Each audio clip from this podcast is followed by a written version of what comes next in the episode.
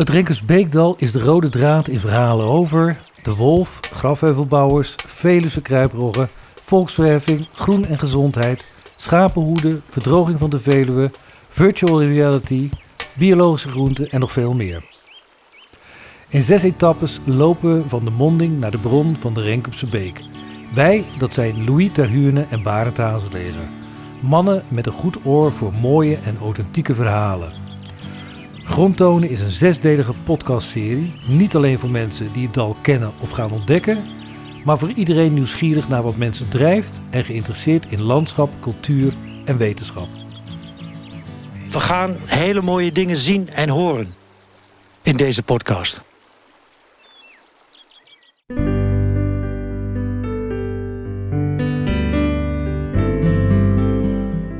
Deze vierde aflevering van Grondtonen lopen we het traject door het Renkersbeekdal van de Bennekomseweg naar Natuurvriendenhuis de Bosbeek. We doen dat samen met landschapsarchitect Michael van Buren, die een mogelijke toekomst van het Beekdal schetst. Flip Witte meet waterafvoer in de Paradijsbeek. In de Bosbeek leren we wat solidariteit vandaag de dag inhoudt. En als altijd is Maarten Veldhuis van Waterschap Vallei en Veluwe present om onze vraag over het Beekdal te beantwoorden.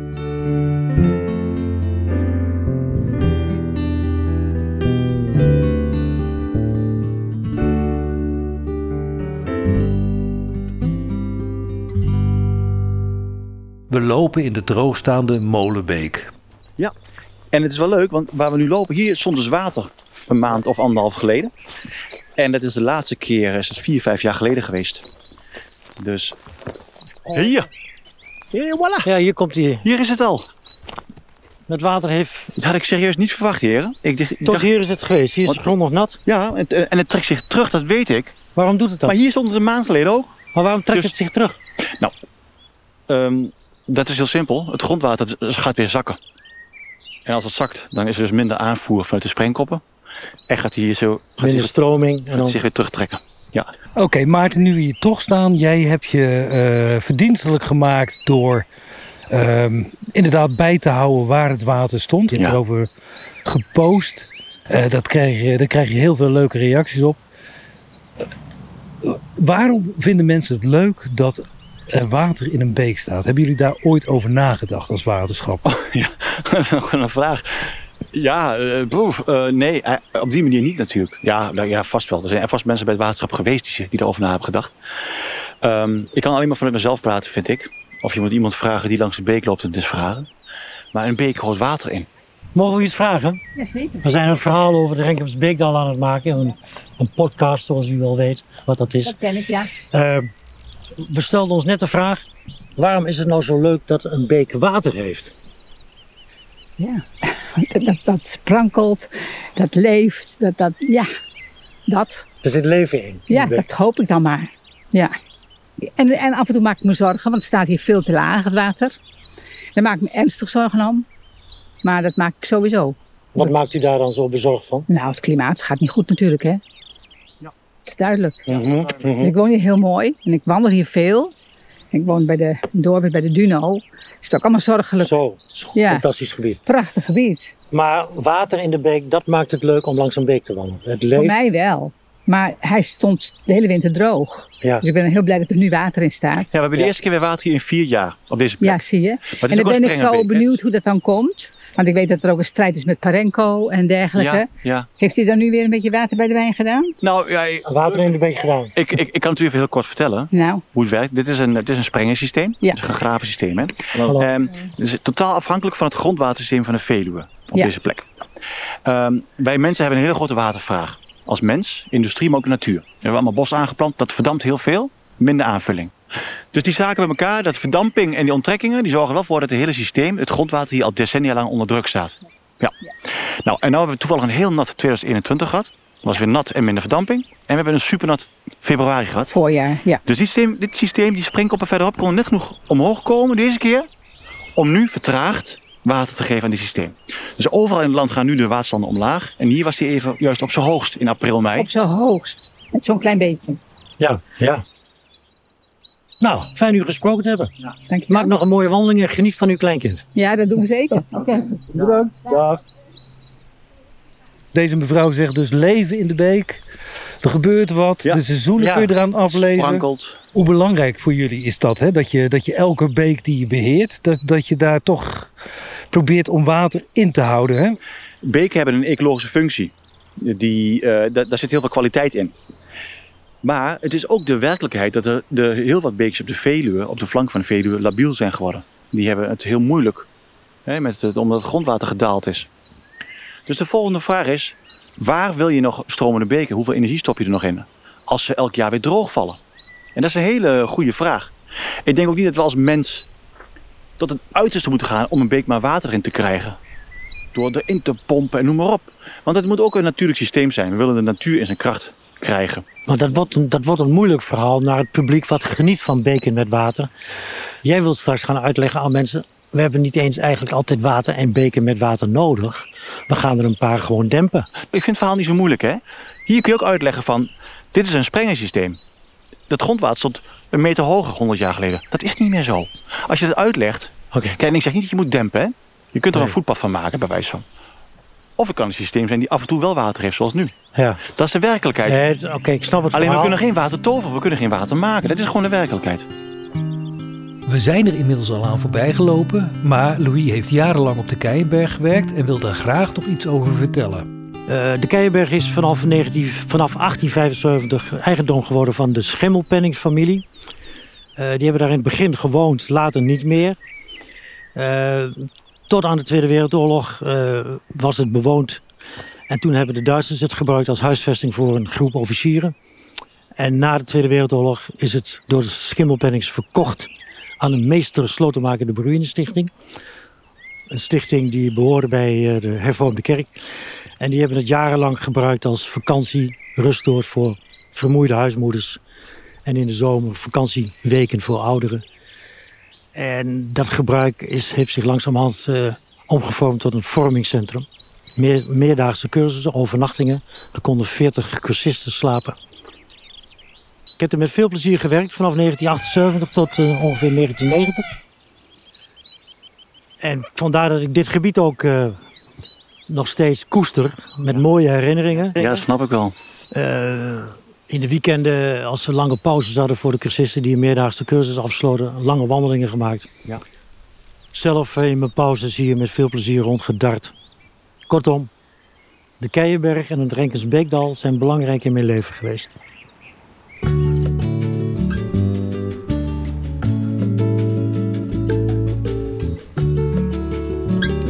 Net ten noorden van de Bennekomseweg lopen we langs de Molenbeek. We hebben hier links uitzicht over het beekdal waar nog een beek stroomt. Dat is de Oliemolenbeek die hier gevoed wordt door een drietal weidespringen. Natuurlijke beken, gegraven beken, opgeleide beken, springen. We hebben hier van doen met een ingenieus aangelegd systeem. Maarten, leg dat systeem in grote lijnen eens uit. Ja, in grote lijnen. Kijk, ehm, men wist al heel vroeg natuurlijk dat hier veel water was. Maar ook dat men het kon tappen. En ging je dat op een goede manier leiden. Met sprengenbekers zoals hier.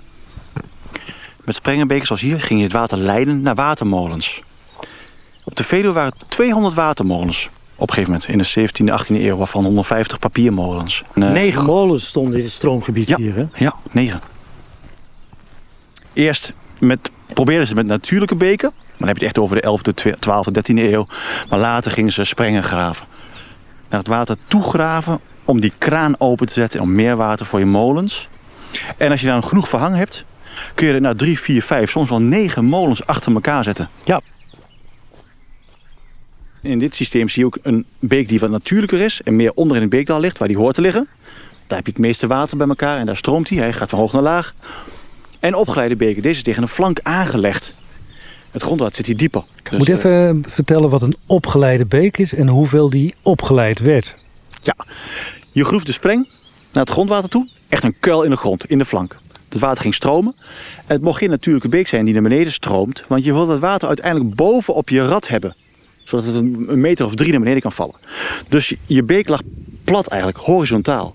Maar op een gegeven moment gaat hij eigenlijk gaat hij het maaiveld, komt hij boven het maaiveld te liggen. Omdat hij plat ligt. Snap je dat? Dus dan ging men opleiden. Men ging de beek eigenlijk als een kanaaltje boven de grond maken. Met een leenbodem. Tot aan de molen. En daar viel hij weer En dan komt hij weer onder het maaiveld. En dan komt hij weer in de buurt van waar normaal gesproken een beek zou stromen. En dan krijg je hetzelfde riedeltje weer. Dus op die manier was een Sprengenbeek trapsgewijs.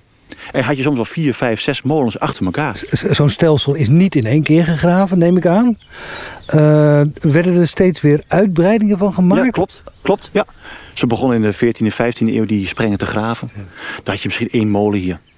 En, dan ging, en dan kwam er een andere eigenaar of, de molen, of het landgoedeigenaar wilde een tweede molen erbij hebben. Op een gegeven moment was er te weinig water, dus gingen ze bijgraven. En wat sprengen erbij op dezelfde beek.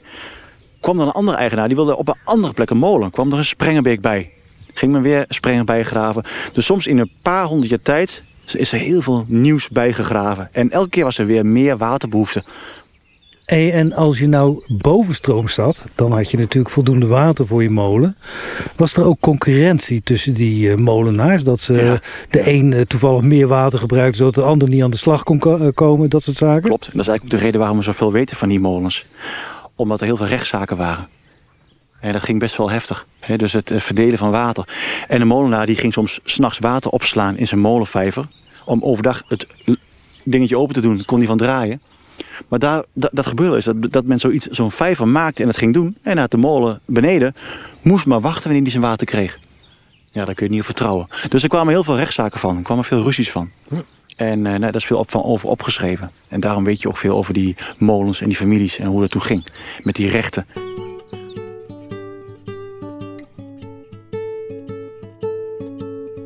Flip Witte hoorden we al eerder in deze podcast. Hij is eco-hydroloog. Dat betekent dat ik me bezig hou met eh, de relatie tussen water en natuur. En eh er is de laatste tijd ook klimaatverandering eh, bijgekomen. In het begin keek ik vooral naar hoe water in een landschap de natuur vormde. En eh, toen kwam meneer Bleker. En toen wist ik, nou die gaat daarop bezuinigen.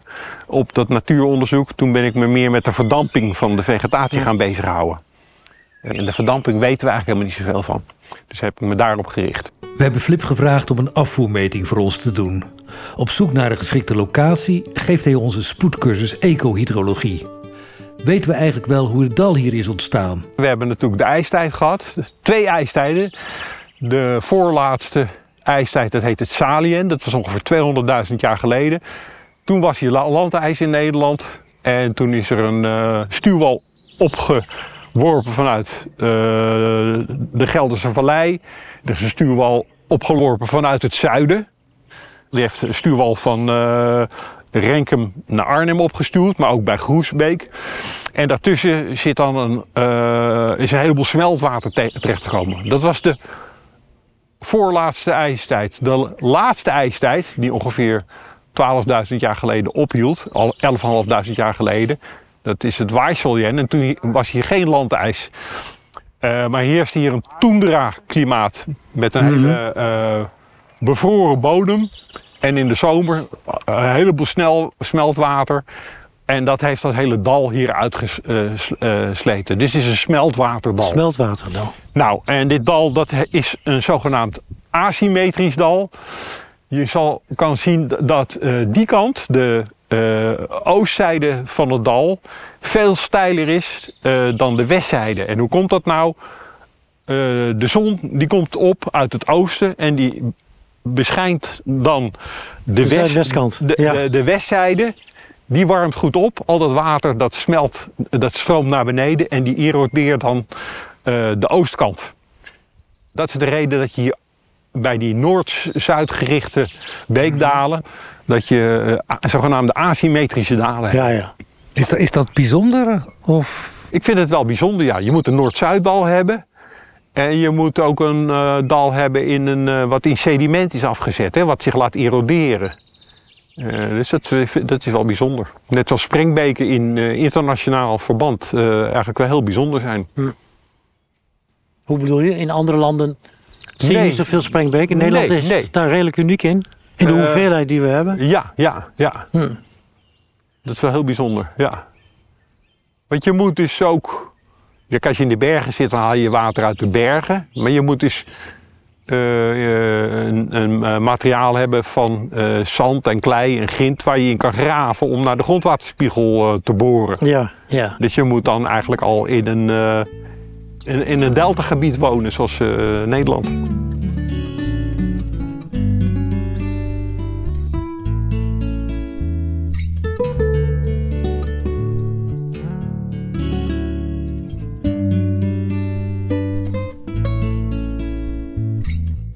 Vandaag loopt ook Michael van Buren een stuk met ons mee.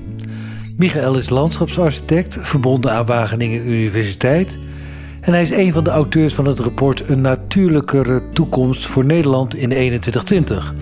Over 100 jaar dus. Dat rapport schetst onder meer met een mooi kaartje een nieuw verhaal voor Nederland. Wat houdt dat nieuwe verhaal precies in? Het gaat om een bepaalde manier van benaderen van opgaven, problemen en hoe je met het landschap, het landelijk gebied, hoe je daarmee omgaat. En dat hebben wij gevonden in wat we dan uh, gezegd hebben, een nature-based. Ja, er is eigenlijk geen echt Nederlandse vertaling voor, maar een op de natuurlijke systematiek gebaseerde manier van denken over de toekomst. Dat we veel meer ons, um, laten we zeggen, moeten voegen naar het goed functioneren van juist die onderliggende natuurlijke systemen van bodem, water, uh, nou, de omgeving. Hè, laat me zeggen wat we dan sommigen de niet, de niet levende natuur noemen. Uh, als dat soort systemen, watersystemen, bodemsystemen, als die niet goed functioneren, ja, dan graven we op termijn ook ons eigen graf. Voordat we nagaan wat zo'n nieuwe kijk en aanpak voor het Renkersbeekdal zou kunnen betekenen, stellen we vast, Michael, dat jij niet alleen vanuit de theorie naar het dal kijkt, maar ook uit eigen ervaringen kunt putten. Hoe goed ken jij het Renkersbeekdal? Ja, ik wandel hier uh, heel regelmatig. En uh, ja, ik, ben, ik uh, ga vaak op de fiets richting Arnhem. En dan kom ik dus ook altijd daar bij Oranje Nassau-oord. Kruis ik het Beekdal. Oh ja, ja. En uh, ik onderhoud een van de klompenpaden hier in de buurt samen met een vriend. Dat voor een deel ook daar uh, langs gaat. En uh, eindje verderop bij het Vlonder en daarachter daar is zo'n poel. Waar altijd in het vroege voorjaar stikt van de, van de padden die daar aan het ja, ja. eitjes afzetten zijn. Hele concerten. Ja, en de kikkers die daar kwaken. En nou ja, toen onze jongens klein waren was dat natuurlijk ook een fantastisch uh, punt om naartoe te gaan. En dwars door het Beekdal steken is natuurlijk altijd een leuke ervaring, ja, zou ik maar zeggen. Ja, ja. ja dus nee, wat dat betreft ken ik het hier best goed. Nou ja, dit is inderdaad, dit vind ik echt ook een schitterende plek. Mooi met die, hè? het bankje tegen een grote plas.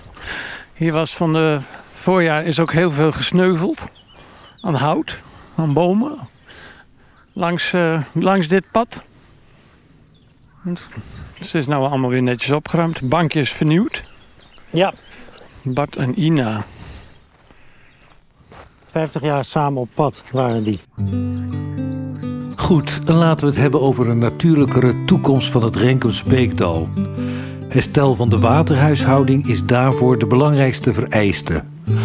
Hoe zou dat eruit kunnen zien, van hoog naar laag in het dal? Hoe hoger, ja, wat mij betreft, hoe minder uh, bossen en hoe minder uh, uh, naaldhoutbossen in ieder geval. Want alles wat je daar neerzet, wat heel veel water verdampt, ja, dat betekent dat er minder water hier naar het beekdal stroomt. En wat zou er op de akkers rond het dal en in de bebouwde kom van Renkum moeten gebeuren? Ik denk dat we moeten proberen ehm, door andere manieren van gebruik, of dat nou de landbouw is of de industrie of het stedelijk gebruik, dat we daar ook steeds meer inzetten op het water wat er valt, vast te houden waar het valt. En het dan de gelegenheid geven om de bodem in te, laten eh, gaan. Dat betekent bijvoorbeeld ook andere gewassen in de landbouw die minder water gebruiken. Hè. Rogge ver, verbruikt minder water dan mais. Dat vind, zie ik ook als een mooi ontwikkeling om, uh, laat me zeggen, die eenvormige, over het algemeen uh, naaldhoutbossen om te zetten naar andere vormen van gebruik, die wat mij betreft ook landschappelijk veel interessanter zijn. En tegelijkertijd een andere manier, een ander verdienmodel zou kunnen zijn voor de landbouw. En het dal zelf? Het dal wat, zelf. Wat gaat dat doen? Ja, nou, wat betreft het dal zelf, uh, ik hoef jullie niet te vertellen dat het dal nu ophoudt zeg maar, gevoelsmatig, bij de weg van uh, uh, Wageningse Berg naar de Parenco. Ja. Hè, wat ook de dijk is, waar dan de provinciale weg ligt. Terwijl natuurlijk de, de, het dal, of het beekje, dit beekje heeft dit dal niet gemaakt, maar daar, gaan we het, eh, daar zal misschien iemand anders nog wel vertellen in deze... De, de twee ijstijden, en de, exact. dat is allemaal al gepasseerd. Hartstikke goed, dus dat weten jullie al. Maar niettemin houdt nu de beek daar eigenlijk op. En er is een soort ja, kunstwerk en dan wordt het uh, verpompt zeg maar naar de rivier. Nou, dat is ook een van de dingen waarvan ik denk van ja, dat is eeuwig zonde. Die dijk, of de weg, die zou wat mij betreft verwijderd moeten worden.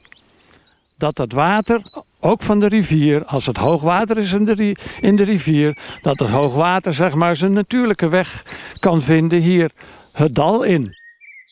En dat ook dat het aan de Rijn, hè, want dat was ook een van de motto's van Beukelaanontwikkeling, dat dat het ook eindelijk eens een keer gewoon naar de Rijn kan. Of misschien wel vanaf de Rijn uit Duitsland het Beekdal in kan. Want dat is misschien meer... Uh, een snellere uh, weg voor de... ja, dat zou best ja. kunnen zijn. Wat ook nog een, laten we zeggen, ecologisch ontzettend belangrijk gegeven is... Dat blijkt ook uit onderzoek van collega's van mij dat alle grote wateren, hè, dus dat is de, de grote rivieren, het IJsselmeer, uh, um, de, de, de estuaria in uh, Zeeland en uh, Zuid-Holland, dat daar het ecologische, de ecologische ontwikkeling in belangrijke mate ook gefrustreerd wordt door gebrek aan sediment en organische stof. En dat heeft alles te maken met het feit dat wij bijna alle kleinere wateren, hè, wat dan heet in het jargon van Rijkswaterstaat, die over die grote wateren gaat, het regionale watersysteem, dat dat niet meer goed verbonden is met het hoofdwatersysteem. Dus alle plekken waar je dat soort verbindingen kunt uh, maken. Zoals hier, hè, dat is ook waarom ik mede bepleit dat de, de weg daar op poten gaat of op maaiveld komt te liggen. Om die vrije uitwisseling van water, sediment, organische stof, uh, dat dat ook uh, mogelijk gemaakt wordt. En als we nu kijken naar bewoning en gebruik van de natuurlijke beekdal in de toekomst. Je wilt minder bos, meer openheid, een mozaïeklandschap? Ja, met lanen, met velden, met uh, uh, akkers, met goede gewassen. Ik zie ook absoluut mogelijkheden om op kleinschalige manier uh, nieuwe plekken, interessante plekken voor woningbouw te krijgen op die, in dat mozaïek. Mensen met een huisje en een tuintje en een eigen kipje en een varkentje. nou, dat vind ik best ja, ik vind dat zelf heel erg aantrekkelijk. En waarom niet voor veel meer mensen? Maar heb je dus, het nu over je persoonlijke voorkeuren? of nou, komt dit ook uit dit rapport, zeg maar? Um, er moeten 2 miljoen huizen bijkomen om al die mensen die nog gaan komen hè, uh, uh, een plek te bieden. Daar hebben we ook naar gekeken. En dat zijn juist die randen, die overgangen van hoog naar laag, waar je niet meteen natte voeten hebt, zoals in het westen waar je niet meteen helemaal bovenin het hydrologische systeem helemaal gaat ontwrichten. Maar dat zijn dan interessante plekken waar je kan kijken van nou, kunnen we daar dan... Dat, kan allemaal in het mozaïeklandschap. Dat vind ik dan een mooie even plek. Te voorkomen dat het een antiromantisch beeld gaat worden. Want wonen betekent ook ontsluiten, wegen, eh, openbaar vervoer, scholen, hele reutemeteut. Openbaar dus vervoer. Dus dan loopt het risico van verdichting weer. Ja, dat, mits je dat slim doet. Ja, kijk, ik denk ook dat, uh, um, kijk, zoals vroeger in Brabant, um, laten we zeggen, alle kerkdorpen op loopafstand voor de pastoor. Dat was een beetje wat daar de, de, de, de, de verspreiding van dorpen bepaalde. Hè? Nou, ik denk dat wij nu um, voor een belangrijk deel met nieuwe vormen van mobiliteit. Nou ja, ik ken daar nu alleen de elektrische fiets. Stel nou, je hebt een aantal dorpjes nieuwe dorpjes die zo hier, uh, nou ja, van Kwadeoord en zo richting de Ginkel. Ik kan me voorstellen, het ene dorp heeft een, uh, een winkel. Het andere dorp heeft een klein theatertje. Het derde dorp heeft een, een, een, school. Maar wel op een afstand dat je prettig daarheen kunt fietsen. Dat je dus in die zin met fietsen heel eind komt. Ja. Zonder dat je meteen Oké, je praat meer over woonbuurten dan dorpen. bij spreken. Ja, nou ja, dorp wil meteen alles voorzieningen hebben. Dat mag ja nee, dat, dat moet het niet ook- zijn. dat Het moet juist andere- zo zijn dat andere het... spreiding van de vers- Ja, absoluut. Wat is de waarde van jullie toekomstbeeld, Michael? Want 100 jaar is natuurlijk een absurd lange tijd om enigszins accurate toekomstvoorspellingen op los te laten. Klopt, en dat klopt helemaal. En in die zin, dat is ook altijd een van de eerste dingen als ik ons verhaal presenteer, is dat ik meteen dus zeg van ik weet zeker, Nederland gaat er over 100 jaar niet zo uitzien. Het gaat mij niet ook om dat beeld, dus ook het, laten we zeggen, het aandringen op wel, hoe ziet dit er dan, hè, dit gebied er dan over 100 jaar uit? Ja, ik bedoel, ik kan wel schetsen wat ik wens, ik kan schetsen wat ik, of vertellen wat ik denk dat mogelijk is. Maar wat er echt gaat gebeuren, ja, dat weet ik niet. En wat ik het eigenlijk het essentiële vind, het echt het essentiële, is dat wij constant moeten blijven nadenken over waar we naartoe willen, waar we naartoe kunnen en hoe we dan daar nu een stapje in nemen. Niet in de zin van het is een uitgestippelde weg en Nee, we nee. weten precies waar we naartoe gaan. Nee, dat is steeds stap 1. En dan heb je stap 1 gemaakt en dan is het ondertussen de, de cultuur is wat veranderd, de wetenschap is wat veranderd, we willen misschien andere dingen. Dan moet je weer een nieuwe stap 1 maken.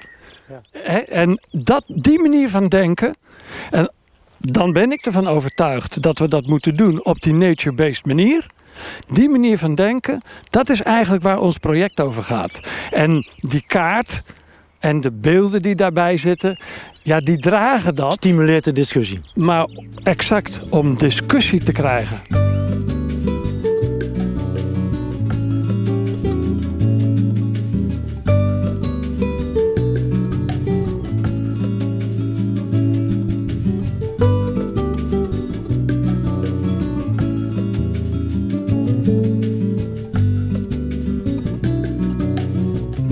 Oké. We wandelen nu in het gedeelte van het Renkersbeekdal wat de prachtige naam het Paradijs heeft. Daar gaan we samen met eh, Flip Witte naar een, een sprengkop om eh, het watermeting daar te doen. Flip, wat ga je daar precies doen? Ik ga daar de afvoer meten van een sprengkop. Eh, want het is nogal droog geweest en ik wil weten hoe het met de hoeveelheid water gaat die door de beek stroomt. En eh, met name die opgewekt wordt door de sprengkop. Het is belangrijk dat je regelmatig afvoermetingen doet. Dan kan je zien hoe, als je voldoende metingen hebt, dan kan je zien hoe eh, een beek reageert op verandering in weersgesteldheid. Dit is de, de zoveelste Kwadenoorse spreng, denk ik dat die heet. Ja, Maar dat, maar dat moeten we toch wel een meting kunnen doen, hè? Als alles hier bij elkaar komt. Dan kunnen we meten doen, maar het niet geweldig. Het houdt niet over, jongens. Eh, misschien, maar misschien daar, daar stroomt het wat harder, want dan is het profiel wat nauwer.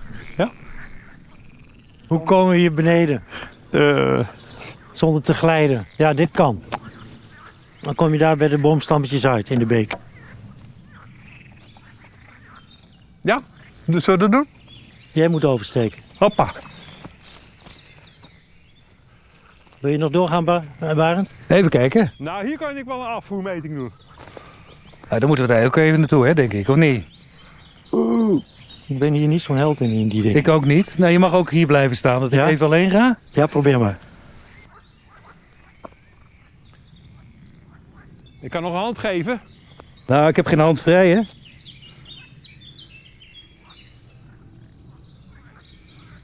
Oké, Gelukt. Ja, zeker. Flip gaat meten. Nou, er zijn een heleboel manieren om afvoeren te meten.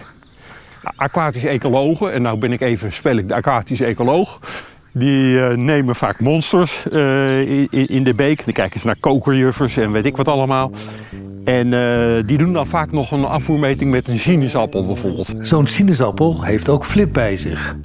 Maar de waterdiepte in de beek is te gering om de vrucht als drijver te kunnen gebruiken. We zitten bij een heel klein rotbeekje. Eh, sorry, dat mag ik zo niet zeggen. Maar een heel klein beekje.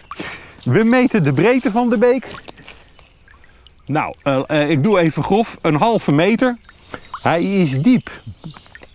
Eh, nou, drie centimeter. Een halve meter maal 3 centimeter. Dus 150 vierkante centimeter. Dat is 0,15 vierkante meter. 0,15 vierkante meter, ja. Bent u daar nog? Nou, en uh, dan meet ik een afstand van uh, bijvoorbeeld 1 meter. En dan heb ik een drijvertje hier, een stokje. Uh, ik laat het stokje los. 21, 21, 21, 21, 21. Nou, 5 seconden. Ja? Ja. Dus 0,15 gedeeld door 5 is 0,03 vierkant, uh, kubieke meter per seconde. Ofwel 3 liter per seconde. Oké. Okay. Gaat hier doorheen. Maar, uh, en ik, ik ben een, een, een factor vergeten. Mag ik mijn uh, meting nog corrigeren? Nou, we zaten dus op 3 liter per seconde. Maar dat was gebaseerd op een drijver die uh, aan de oppervlakte van het water stroomde en daar eigenlijk de snelste weg vond. En het water wat uh, aan de kanten zit en vlak boven de bodem stroomt natuurlijk veel minder hard. Dus daar moet je voor, corrigeren. En daarvoor passen we een correctiefactor 0,6 toe. Dus dan komen we uit op 2 liter per seconde. Dat is heel anders dan in Oosterbeek. Hè? Daar heb je van die sprengkoppen waar het eruit spuit. Dan zie je het water gewoon uit de grond komen. Nee, dit is niet best, zo lage afvoer. En dat heeft ook consequenties voor de begroeiing, plantendiversiteit, uh, et cetera? Nou, vooral voor het aquatisch leven. Hè? Daar, daar zit uh, in zo'n beek, daar uh, zitten libellenlarven, haften, platformen, allerlei spul en visjes. Als het een goede beken zijn, echte mooie beken van de Veluwe, daar horen ook soorten als elrits, rivierdonderpad en uh, beekprik in terecht. En, dus het wordt een hele schrale waterleven hier. Als een beek droog valt, dan wordt het schraal. Dat is nog, dat is bijna niks meer. Dat kan je niet hebben.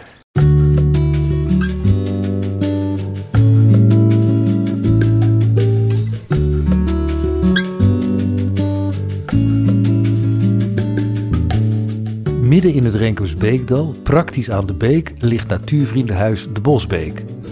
Het is één van de 13 vakantiehuizen van het Nivon. Het Nederlands Instituut voor Volksontwikkeling en Natuurvriendenwerk maakte deel uit van de socialistische zuil uit de vorige eeuw.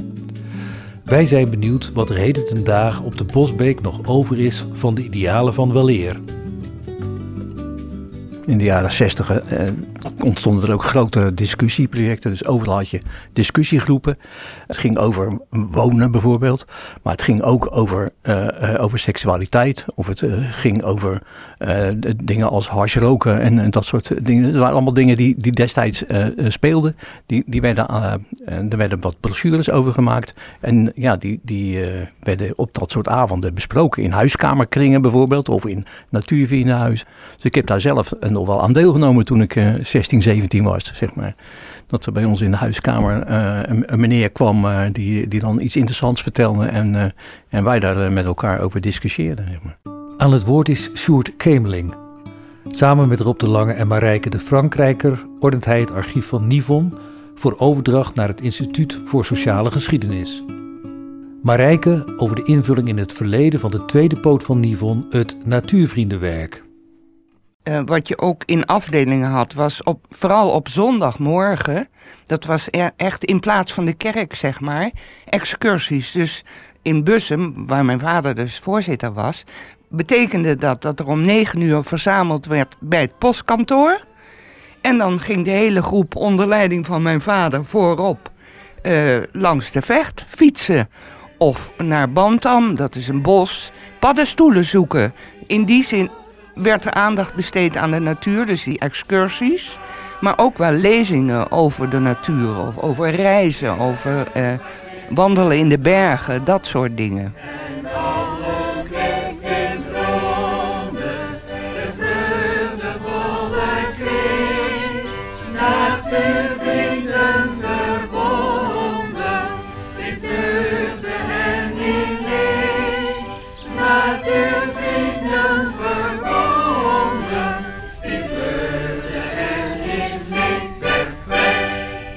Natuurvriendenhuis De Bosbeek draait op ruim 80 vrijwilligers, onder wie veel huiswachten. Ans Vollebroek is één van hen. Tijdens haar wacht van zes dagen is zij 24-7 beschikbaar voor de gasten. Wat geeft haar de voldoening om dat te willen? De ontmoeting met mensen. Ontmoeting met zoveel verschillende mensen. Ik heb zelf altijd een beroep gehad met ontmoeten van veel mensen. En, en nu ik met pensioen ben, vind ik het heerlijk dat ik dat voort kan zetten. Maar dan gewoon in, in de sfeer van vrije tijd en in de natuur. En, ja. Met zoveel verschillende mensen is dat waarschijnlijk lastig te benoemen. Maar de gemiddelde gast, hoe ziet die eruit? En wat zoekt hij hier? Nou, mensen die uh, hier komen zijn toch gewoon mensen die uh, bewust leven. Bewust kiezen voor minder luxe. Uh, gewoon in de natuur zijn. Geen extra golfbad nodig hebben. Of een mm -hmm. elektrische auto of, of een boot. Mensen genieten gewoon van hier te zijn. En, en dat is gewoon heel mooi. Ja, het is toch wel, uh, denk ik, uh, HBO uh, hoger opgeleide mensen die hier komen. Ja, dat denk ik wel. Mensen die ook zeg maar maatschappelijk bewust zijn, ja. zich bewust bezighouden ja. met hoe gaan we om met de aarde, ja. met de natuur, voedsel, gezond eten, ja. Ja. overbodige luxe niet. Nee.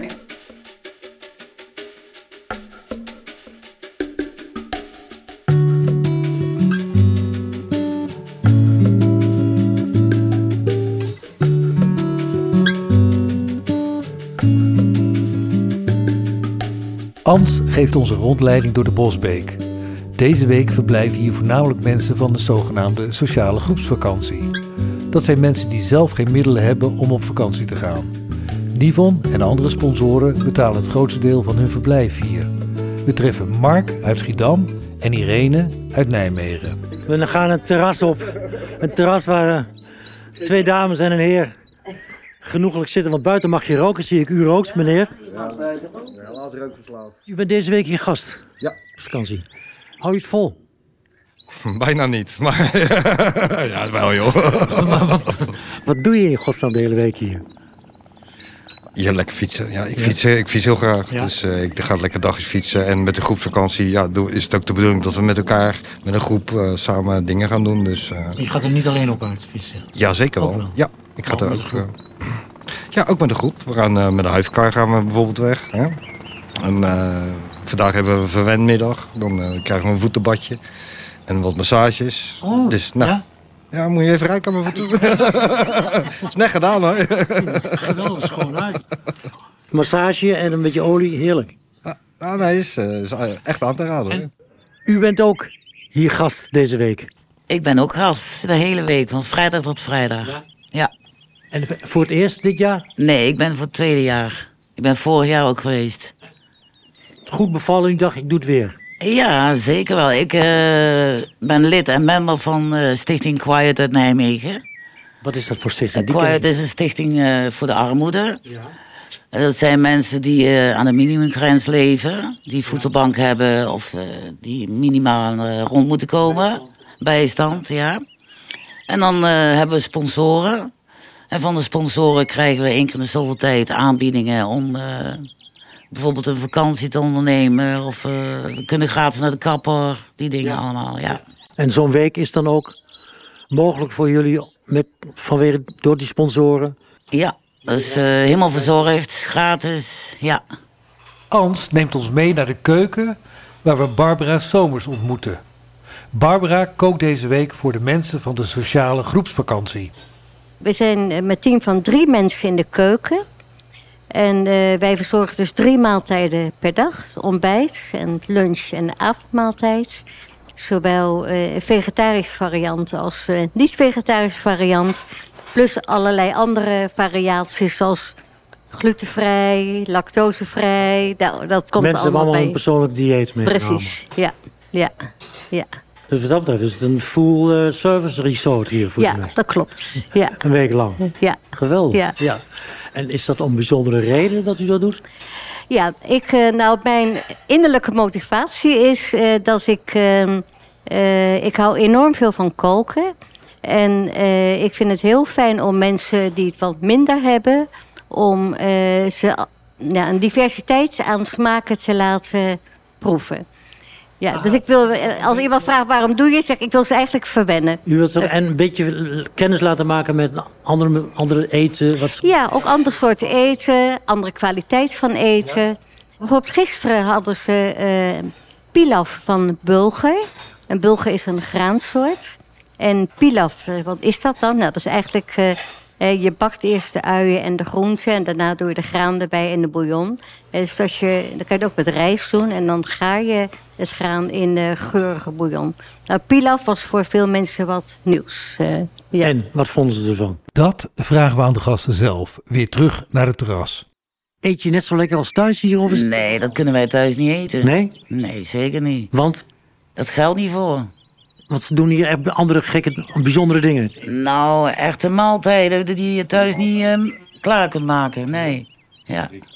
Drie keer per dag eten? Dat zou je thuis niet doen? Nee. Nee. En je, hebt, je bent dus al vanaf vrijdag hier. Eh, zijn er bijzondere dingen dat je gedacht hebt, dat heb ik nog nooit gegeten? Want dat, dat, is- dat is ook lekker, dat ga ik onthouden. Toetjes. Toetjes? Ga ik ja, ook niet ga je thuis niet zo gauw kopen. Nee. nee. Dus wat dat betreft is zo'n week ook echt lekker een verwenweek. Dat is een verwenweek, ja. Voordat je hier naartoe gaat, hè, voordat je naar zo'n week gaat, dan zijn er vast ideeën die je hebt van, nou, dat zou ik graag willen. Hè. Voor, voor, hoeft niet eens iets heel concreets te zijn, maar bijvoorbeeld een keer niet aan geld denken of een keer eh, Hier, rust eh, aan mijn kop hebben of dat soort dingen. Ja, ik persoonlijk denk niet aan geld hier. Ik denk niet van, nou, ik moet dit nog kopen of dat. Nou, dat heb je niet, omdat je hier alles hebt. Ja. Dan denk je daar niet aan. Dat is dan ook het doel van de vakantie, dat je er een keer helemaal eens uit bent, ja, zeg maar. en- daar gaat het om dat je even je hoofd leeg kan maken. Dat je aan leuke dingen, ja, hier heb je, zit je gewoon met leuke mensen. Je lacht jij kapot hier. Ja. Ja, dat is echt zo. Ja, je hebt heel veel lol. Maar je bent een week lang even de zorgen kwijt.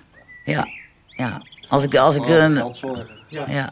als ik nog vrijdag naar huis moet, dan moet ik even eh, bijkomen. Dat ik, ja, dan ga ik het missen. Is het even weer slikken dat je weer terug Ja, ja.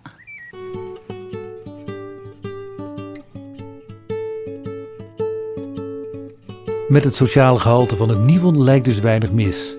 Maar wie spreek je daarmee nog aan in deze individualistische tijden? We, stammen uit de sociaal-democratische zeil. Daar is van alles en nog wat van verdwenen. Maar wij zijn er nog. Dus ergens hebben we iets goed gedaan in al die tijd. Hè, toch? En eh, kijk, het ledentaal dat heeft wel een beetje geschommeld zo op en neer. We hebben er bijna 40.000 gehad. Eh, het is gezakt tot, eh, tot 16.000. En nou, is het weer, nou stijgt het weer behoorlijk. Dus het zit nu weer, weer boven de 25.000. Dat is nog best wel een substantieel... Jazeker. Dus gezinnen, jongeren van allerlei leeftijden. Dus op de een of andere manier is er ook nog steeds een behoefte aan een or- organisatie als dit. En, en ik denk ook dat mensen eh, in, in wezen eh, sociaal zijn. Dus dat ze ook be- behoefte hebben aan contact met anderen. Dus dat, dat hele individualistische wat je de afgelopen tijd in de samenleving hebt gezien, dat, dat is eigenlijk volgens mij iets wat niet bij de mens hoort. Maar wat doe je dan precies goed, Sjoerd? Het aardige is, je, je loopt hier ook allemaal door elkaar. Dus je ontmoet elkaar ook. En daarom zijn die grote zalen er ook. Dat, zijn, dat heette vroeger dan conversatiezalen of recreatiezalen.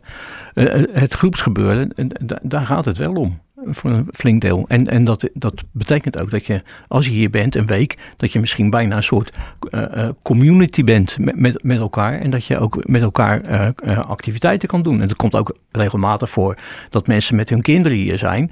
Maar dat ze denken van nou, het is misschien aardig om ook eens als pa en ma, en ma of alleen als moe, weet ik veel, een activiteit te doen. Dat, je dan, dat dan de kinderen even opgevangen worden door een ander en andersom. Dus dat soort dingen ontstaan. En, en dat maakt het ook wel weer leuker en socialer.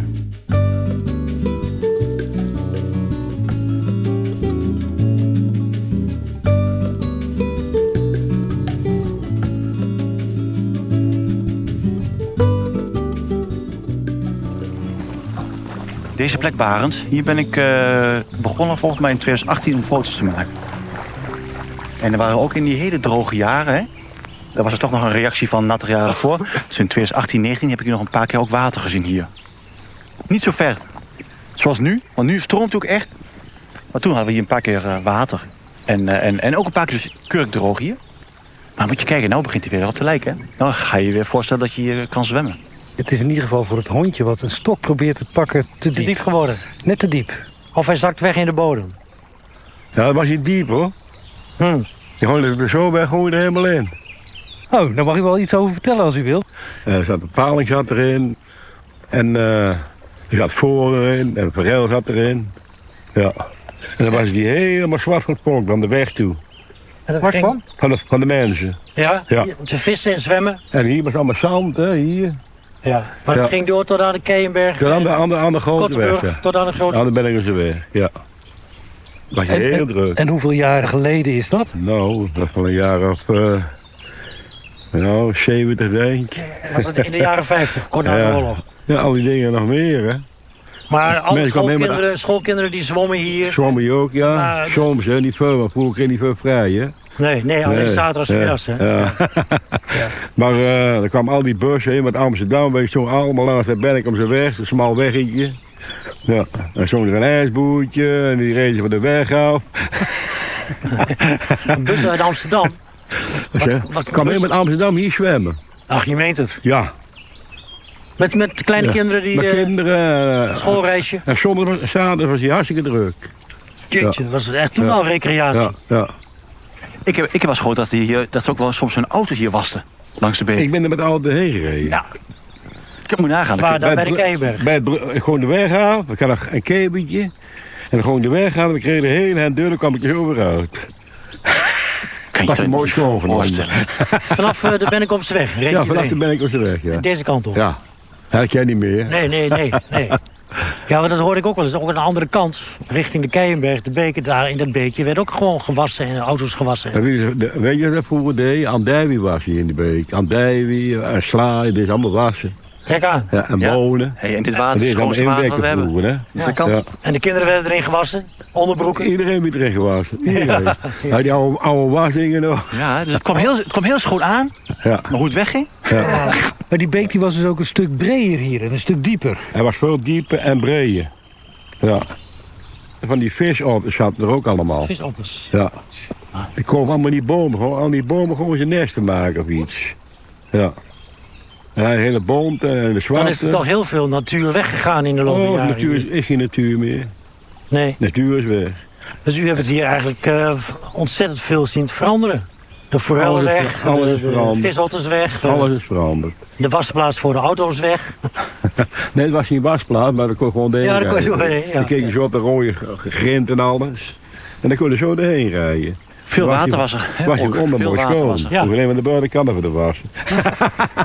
Ja. Ja, onvoorstelbaar. Ja. Ja. Nou, leuk. Leuk om dit gehoord te hebben. Hoe is uw naam? Museum. Bellen Museum. Museum van de autohandel. Ja. Aha.